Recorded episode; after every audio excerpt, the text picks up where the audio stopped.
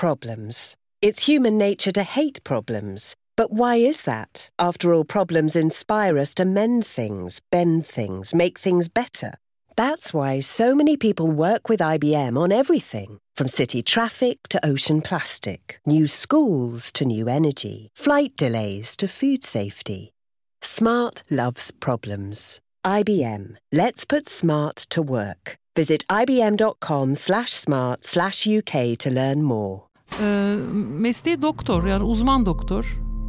Entelektüel birikimi çok fazla.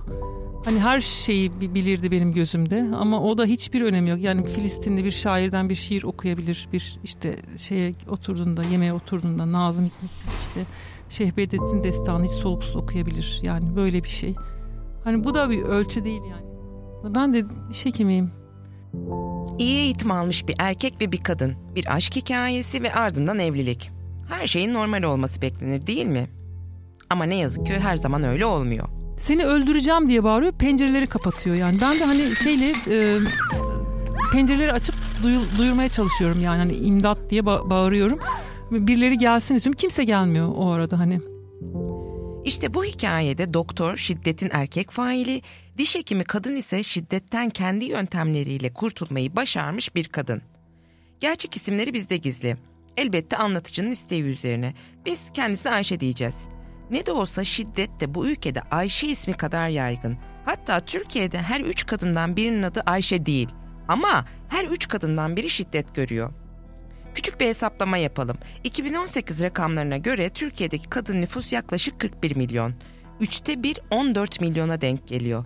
Yani şöyle diyebiliriz. Hollanda'nın tamamı ya da İstanbul'da yaşayanların toplamına yakın sayıda kadın şiddet görüyor. Öte yandan Biyanet'in verilerine göre erkekler 1 Ocak ile 20 Kasım 2019 arasında yani 324 günde en az 302 kadını öldürdü.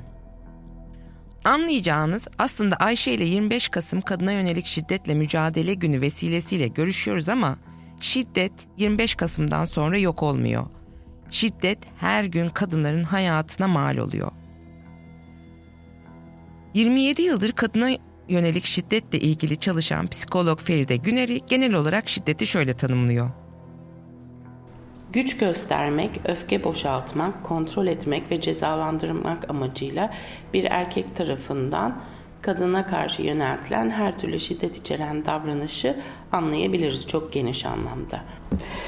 Öncelikle saydığım bütün şiddet biçimlerinin sadece heteroseksüel ilişkiler için değil, eşcinsel ilişkiler için de geçerli olduğunu belirtmek istiyorum. Yani aynı dinamikler iki aynı cins arasında yaşanan ilişkilerde de görülebilir, karşı cins arasında da görülebilir. Bu anlamda çok farklılık olmuyor. Yine ilişkideki kişiler arasındaki güç dengesizliği ile ilgili bir şey.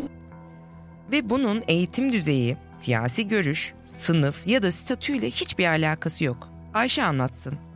Ee, o kafamda çünkü bir yere koymuşum hani çok okur, çok kültürlü. Ondan sonra ben ondan öğrenmişim bir sürü şeyi ilk hayatımda ilk karşılaştım hani sosyalist fikirler 23-24 yaşındayken.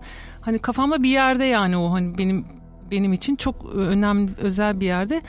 Ee, işte böyle ilişkimiz başladı.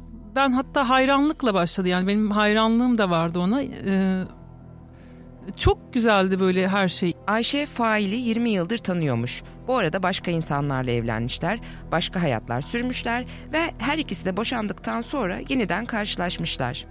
Bir buçuk yıllık güzel bir flört döneminden sonra aynı şehirde buluşabilmek için evlenmişler. Temmuz 2018'de. Ee, ya ben çok mutluydum hani baş, onunla birlikte işte yani kendimizi geliştireceğiz ondan sonra kitap okuyacağız onu, e, hayatımızı düzenleyeceğiz, spor yapacağız, gezeceğiz. Hani artık böyle hayatın tadını çıkaracağız. İşte 40 yaşlarını geçtik o 50 yaşlarında. Hani bizim için artık hayat yeniden başlıyor gibi gelmişti. Başka bir şehir, çok heyecanlı geldim İstanbul'a. Normal olarak hiçbir kadın şiddet görmeyi aklına bile getirmez. Belki de biraz da bu yüzden görmemezlikten geliniyor belirtiler. Ayşe'ninki bu minvalde. Tabii şimdi düşündüğünde telefonla beni arıyordu. Ee, ben mesela geç cevap verirsem niye geç, geç cevap veriyorsun? Cevap veremezsem niye hemen dönmüyorsun? Ben sana neden ulaşamıyorum? Ondan sonra sen e, neden e, bu kadar duyarlı değilsin? Beni sevmiyor musun? bu şekilde sözler söylüyordum. Bir arkadaşlarım yanında arıyordu. Seni seviyorum hadi sen de söyle seni seviyorum. Diyorum ki kalabalık içerisindeyiz söyleyecek durumda değilim. Yok sen niye söylemiyorsun bir şey mi saklıyorsun? Ondan sonra hani böyle şeyler başlamıştı. Ee, son aylarında ben de herhalde şey dedim hani çok ayrı kaldığımız için e, kıskançlık yapıyor. Hani sevdiği için işte hani bana güven duygusu işte oluşmadığı için ben veririm o güven duygusunu. İşte onun güvenini kazandıktan sonra bunlar da geçer. Kafamda hep öyle şeyler vardı. Bu da... Kadınların iyi niyeti ne yazık ki o şiddet cehennemine doğru döşenen taşlar oluyor. Feride Güner'i anlatsın. En büyük yanılgılardan bir tanesi ben karşımdaki kişiyi değiştirebilirim diye ilişkiye başlamak. Her şeyde bu geçerli. Yani her davranışı ancak biz istersek değiştirebiliriz ama şiddette ekstra ekstra geçerli. Şiddeti sadece onu uygulayan kişi isterse durdurabilir. Çoğunlukla da istemesi için hiçbir sebep olmuyor. Çünkü onun açısından baktığınızda şiddet çok işe yarayan bir şey. her şey güllük gülistanlık oluyor. Fazla uğraşmasına gerek yok. Her istediğini elde edebiliyor. Erkek elde ettikçe de şiddetin dozu artıyor. Bütün arkadaş çevremden soyutlanmıştım yani. Şimdi sakın soyutlama da bir şiddet biçimi mi ki diye düşünmeyin. Evet kesinlikle öyle. Şöyle diyelim. Kadına şiddet konusunda çalışan uzmanlar şiddet çeşitlerini şöyle tanımlıyor. Psikolojik şiddet, fiziksel şiddet, cinsel şiddet, ekonomik şiddet, dijital şiddet, flört şiddeti ve ısrarlı takip. Ayşe'nin en başta yaşadığı psikolojik ve dijital şiddetmiş. Evlendikten sonra psikolojik şiddet artarak devam etmiş. Failin durduk yere sorun çıkarması, bağırması, çağırması, aşağılaması gibi evlendikten hemen sonra e, geldi e, benim olduğum şehre geldi. Dedi ki ben her zaman onu havaalanından karşılardım. Ya da e, şey derdi o eğer ben hasta bakacaksam ben gelirim falan derdi. O gün dedim ki bak benim hasta bakacağım ha, ha, ilişkim kesilmedi hala istersen seni izin alıp karşılayayım. Hayır hayır ben gelirim dedi. Sonra geldi kendisi dedi ki bana sen dedi ben kaç saattir yoldayım nöbetteyim Beni dedi bu ne dedi saygısızlık dedi. Bu ne dedi e, lakaytlık dedi. Beni neden karşılamıyorsun dedi. Dedim ki ama ben sana sordum karşılayayım. Hayır demiştin dedim. Senin dedi benim öyle hayır desem bile gelmen lazımdı. ısrar etmen lazımdı falan. Ben böyle şaşkınlıkla baktım. Nikah sonrası ilk böyle e, garip davranışıydı. E, çok şaşırdım. Ya sen iyi misin dedim. İyi, ilk önce hani gerçekten iyi olmadığını düşündüm. İyi misin sen dedim. Hani iyi misin? Sen e, normal olduğunu düşünüyor musun bu söylediğinin dedim. Yok dedi Sonra hemen arkasına ver elini dedi. Hayır dedim elimi falan veremem dedim yani. E, elimi tutmak istedi. Hayır dedim yani hemen düzeltemem kendim. Bir dakika dedim yani. İşte bunların hepsi psikolojik şiddete giriyor. Feride Güner'i şöyle anlatıyor. İkinci en yaygın şiddet biçimi psikolojik şiddet. Bu fiziksel şiddetin olduğu aslında her ilişkide görülüyor ama birçok kere de e, denil, son araştırmaların söylediği Türkiye'deki kadınların en az yarısı duygusal şiddete maruz kalıyor. Tek başına görülebilen bir şiddet biçimi. Bunu tanıması çok daha zor ve çok daha kafa karıştırıcı bir şiddet biçimi.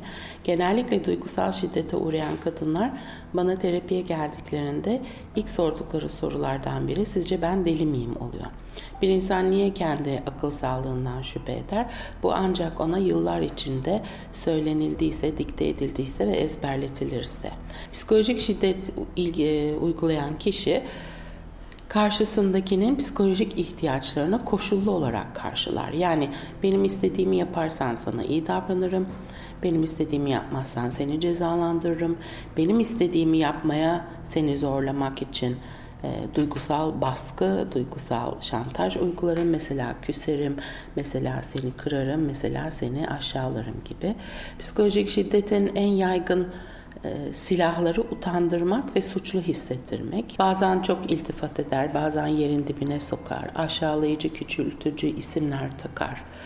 E, kendimizi toplum içinde iyi hissetmemize engel olur bizim davranışlarımızı değil direkt kişiliğimizi eleştirir. Yani karşımızdakinin davranışını eleştirebiliriz. Mesela e, bu çay birazcık soğuk olmuş diyebiliriz ama sen çay yapmasını bilmiyorsun, iğrenç çay yapıyorsun dediğimizde onun kişiliğini eleştiriyoruz ve sürekli kişiliğini eleştirdiğimizde zaman içinde böyle bir heykeli ufak ufak ufak yontar gibi o kişinin e, kendine olan güvenini sarsabiliyoruz.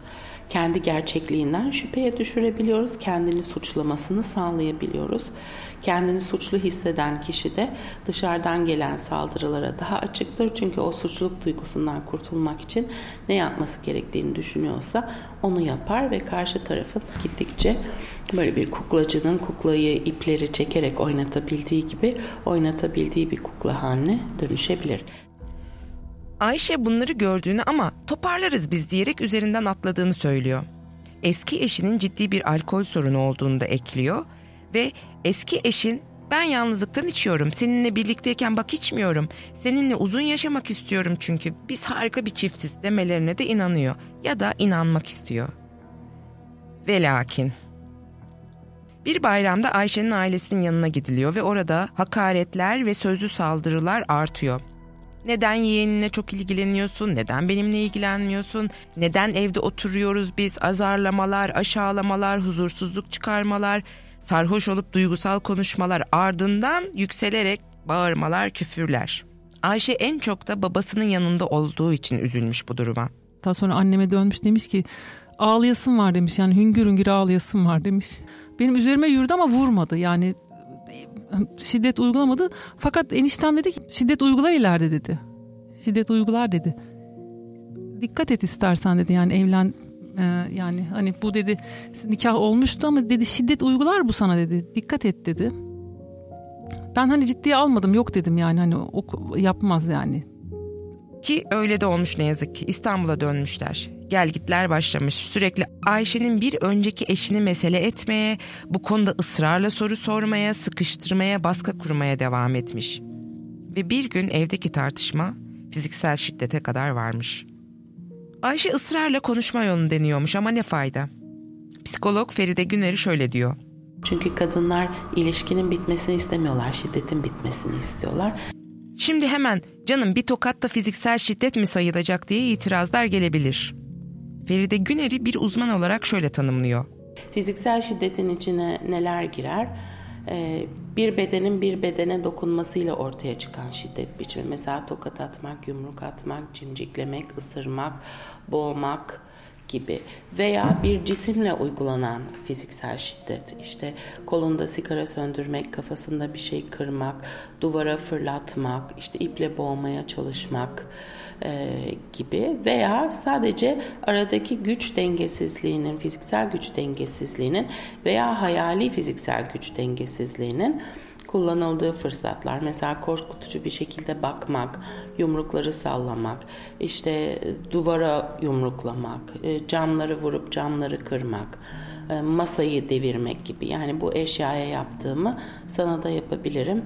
Ve belirtelim ki fiziksel şiddet kadına yönelen şiddetin en yaygını, en tanınırı ve en anlaşılır olanı. Anlaşılır olması ilişkiyi hemen bitirmeye ne yazık ki yaramıyor. Ayşe'de de öyle olmuş bir gün gene e, çok kötü bir şey oldu. Ha e, bir, bir şiddetten sonra biz ayrılmaya karar verdik. Araya şeyler girdi. Arkadaşları girdi, avukat girdi falan filan. Sonra arkadaşları girdi falan. 10 10 gün falan ayrı kaldık. Sonra e, dedim ki yani hani olmaz dedi ki bir kere daha deneyelim. Ben seni çok seviyorum. Bak dedi bu feminist yaklaşımları ben bilmiyorum. Bana dedi öğretin bunları. Hani ben dedi e, artık seni anlayamadım düzelteceğiz yani hani şey yapalım tekrar. Tamam dedim. Tekrar bir araya geldik.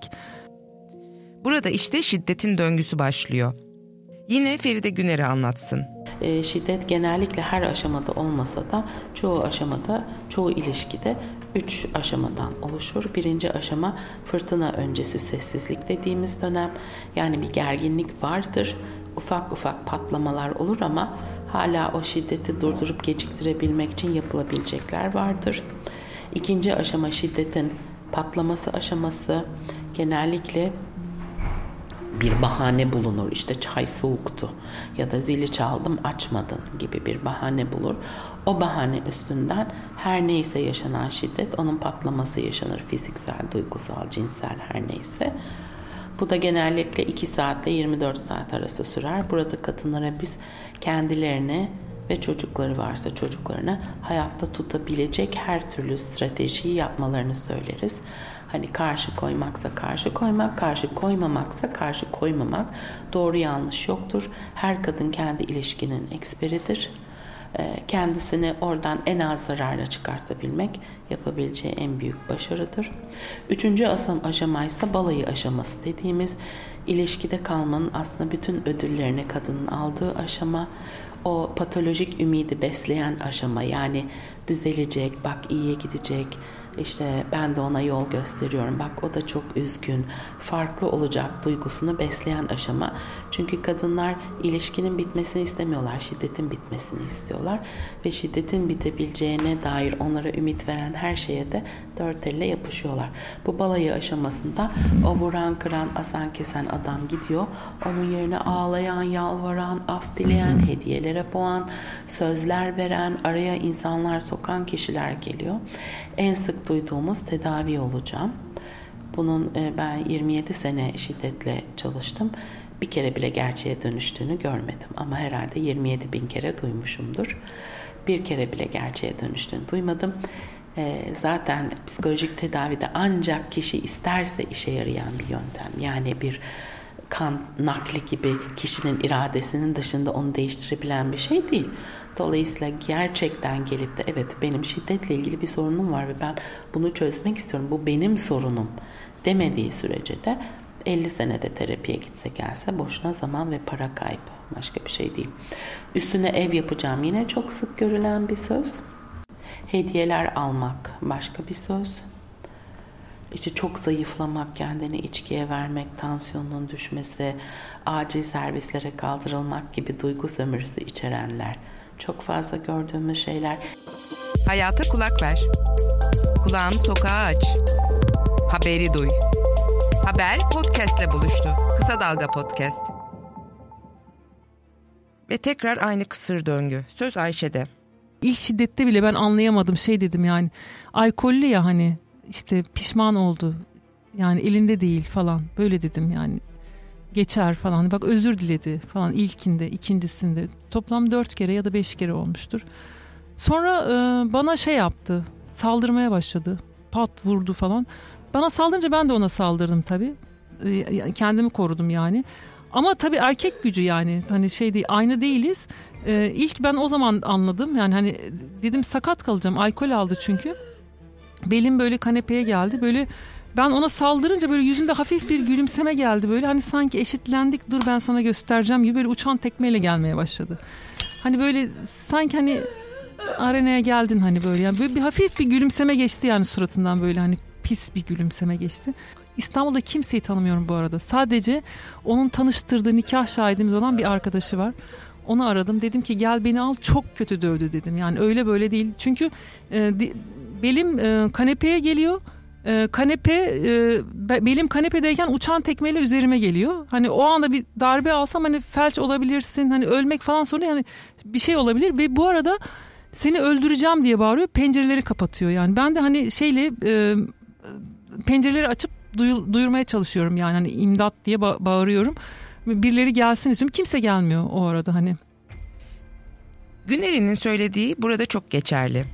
Zaten şiddetin en büyük gücü de sır olarak tutulmasından geliyor. Ee, sırlar çok güçlüdür. Onları sır olmaktan çıkarttığınızda güçlerini kaybetmeye başlar. İşte o yüzden camlar kapanmaya, kadınlar eve hapsedilmeye çalışılıyor. Ama Ayşe'nin durumunda başka bir sır daha var. Toplumdaki aile içi kavgaya karışılmaz denilen o uğursuz sır.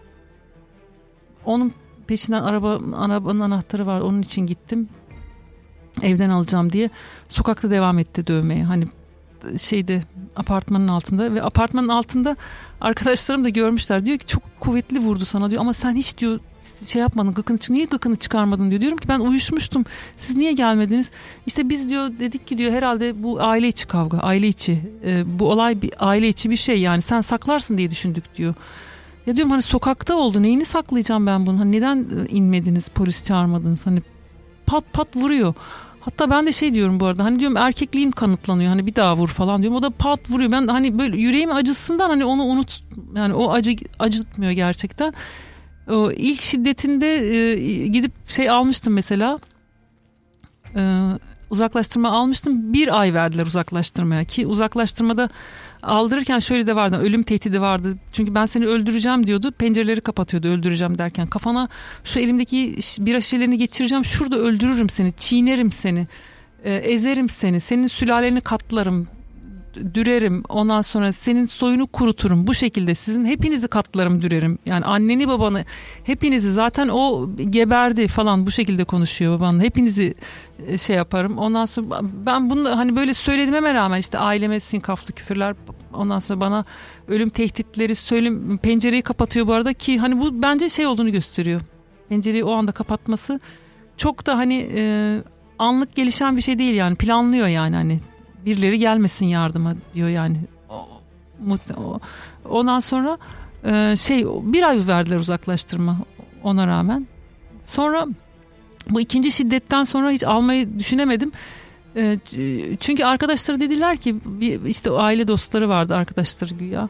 Ne yapacaksın? Niye ne eline ne geçecek? İşte niye istiyorsun falan. Sonra ben de utandım gerçekten böyle hani tekrar ikincisinde o sokakta dövdüğünde gözümün altı falan morarmıştı. Dudağım patlamıştı böyle yüzümde morluklar vardı falan almadım.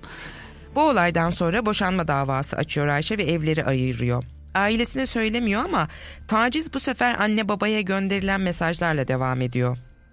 Mesaj şu şekilde kızınızın hayatına o kadar çok kişi girmiş ki kimle konuştuğunu bilmiyor önüne gelenle yatmış. O kadar çok kişiyle yatmış ki kimle konuştuğunu bilmiyor. Böyle bir mesaj gidiyor annemlere. Ondan sonra e, şey e, ve annem şey diyor bana hiçbir şey demiyor. Diyor ki ya diyor saçma sapan bir şeyler yazıyor üzülme diyor yani hiç önemli değil diyor üzülme diyor. Ondan sonra babam e, normalde hiç böyle mesela çok sert bir adamdı böyle çok mesafelidir ilişkimiz. Böyle bir gün şey e, görüntülü aradı hiç normal aramaz görüntülü aradı. Böyle açıp açmamakta çok tereddüt ettim şey dedi ee, kızım dedi iyi misin dedi ee, evi taşımıştım iyiyim baba dedim iyi ol kızım tamam mı iyi ol dedi ee, zaten hani beş gün sonra şey kalp krizi geçirdi yani hiçbir şey yoktu adamın. Babası kriz geçirince Ayşe yardım istemiş adam doktor ya babayı kurtaramamışlar ne yazık ki. Cenazeye beraber gitmişler. Cenaze dönüşü de bir kez daha deneyelim demişler. Ki bu çok da doğru bir karar olmamış. Söz Feride Güneri'de. Gerçekten de bu aşamada kadınlar toplumsal baskıya, ailevi baskıya çok maruz kalıyorlar. Genellikle de şans veriyorlar. Biliyoruz ki kadınlar bir ilişkiyi tamamen bitirmeden önce en az 5-6 kere ilişkilerine geri dönüyorlar. Şiddet bitmemiş. En küçük olayda hemen patlak veriyormuş. Ağır küfür ediyor. Sonra ben diyorum ki ben öyleysem sen böylesin diyorum. Ondan sonra tekrar pat geçiriyor bana. Ayşe bakmış olacak gibi değil evi ayırmış tekrar boşanma davası açmış. 11 Kasım 2019'da boşanmışlar ama şiddet bambaşka şekillerde hala hayatında. Sabık kocanın yeni yöntemi Ayşe'nin arkadaşlarını arayıp hem kendini aklama hem de Ayşe'yi tehdit etme yönünde. Normal değildi bipolar bozukluk var şiddet eğilimleri var. Ee, ondan sonra işte bana çok bana çok işte beni mahvetti benim paramı yedi işte 150 e, milyarımı yedi. Ondan sonra işte böyle şeyler anlatıyor onunla ilgili. Sonra e, başka bir kadın arıyor. Ben, ben onun diyor 6 aylık sevgilisiyim diyor. İşte diyor ki e, şey diyor sizi diyor yordu mu diyor arayıp diyor benim arkadaşıma es, şu anki sevgilisi. O da diyor evet diyor yani arayıp diyor küfrediyor diyor. Yani bana küfrediyormuş benim aileme küfrediyormuş. Dedi ki engelledim dedi. Sonra engelle diyor ki hala arıyor beni diyor benim arkadaşım. Eskişehir yani eski oturduğum şehirdeki arkadaşım beni arıyor diyor. Ee, işte hala küfrediyor diyor seninle ilgili diyor. Ee, sonra görüşmek istiyor. İşte sonra yeni kız arkadaşı arıyormuş diyormuş ki işte bu normal değil. Beni de dövdü şu anda. İşte etrafa karşı hani benim ahlak düzeltme rolü işte para ben hani dövdüm ama işte paramı yedi o yüzden dövdüm işte e, bipolardı işte şiddet yanlısıydı öyle dövdüm. Belki öyle diye düşünüyorum. Hani böyle hala devam ediyor yani iftiralarını. Ayşe şimdi hayatını düzene koymaya çalışıyor. Çok da güzel yapacak kadar güçlü bir kadın. Ama eski koca onun için hala tehdit. Bakın korkmuyor ama tehdit. Çünkü Ayşe her şeyi yapabileceğini görmüş. Yapamaz demeyin. Bu ülkede İçişleri Bakanlığı'nın açıklamasına göre 2016'da 304, 2017'de 353, 2018'de ise 280 kadın öldürüldü. Yani olmaz ya da Allah korusun demekle olmuyor bu işler. Ayşe zaman zaman olan bitenle ilgili kendisini suçluyor. Çok. Çok. Yani zaten artık o, o süreçteyim yani hani nasıl görmedim nasıl görmedim demek ki hani ben ben bireyselliğimi tamamlayamadım. Fakat aslında tuzak tam da bu. Şiddet uygulayanlar çok iyi manipülasyoncu da oluyorlar. Kadınlara kendini sorumlu ve suçlu hissettiriyorlar. Aslında yalın, net ve çıplak gerçek şu. Fail şiddeti uygulayandır. Nokta. Ayşe elbette diğer kız kardeşlerinin böyle bir şey yaşamasını hiç istemiyor ve şöyle bir şey söylüyor. Yani bence sınırlarımız olmalı. Kimsenin bir kere kimseyi sorgulamaya hakkı yok. Yani o şiddet hani psikolojik başlıyor. Kesinlikle hani ilk böyle o aslında adım adım geliyor. Ee, en son fiziksel şiddete kesin giriyor. Ve e, şöyle bir şey var yani e, kadınlar e, hani zannediyoruz ki bana yapmaz yani beni çok seviyor. Hayır şiddet uygulayan herkese yapar. Yani birisini aşağılayan insan herkese aşağılar. Onun hayattaki duruşuyla ilgili bir de böyle bir annelik rolü artık yani bunu bir bundan bir sıyrılmamız lazım yani annelik yani biz annesi değiliz kimsenin yani bir kimsenin kimseyi kollamaya hani ben bunun altından kalkarım işte ben ona şefkat gösteririm ben o onu işte düzeltirim işte ben ona iyi hissettirirsem öyle bir şey yok yani. Kimsenin kimseye hani annelik yaparak düzelecek şeyler değiller bunlar. Evet şiddet annelik yaparak ortadan kalkmayacak bu belli. Ama kadınlar mücadele ederek, hayır diyerek, susmayarak, sokaklara çıkarak, konuşarak kaldıracaklar. Ayşe de bu yüzden 25 Kasım gece yürüyüşünde diğer kadınlarla omuz omuza olacak. İstanbul'da ilk defa başka bir kadın daha kendi yaşadıklarını asla ve asla yaşamasın diye.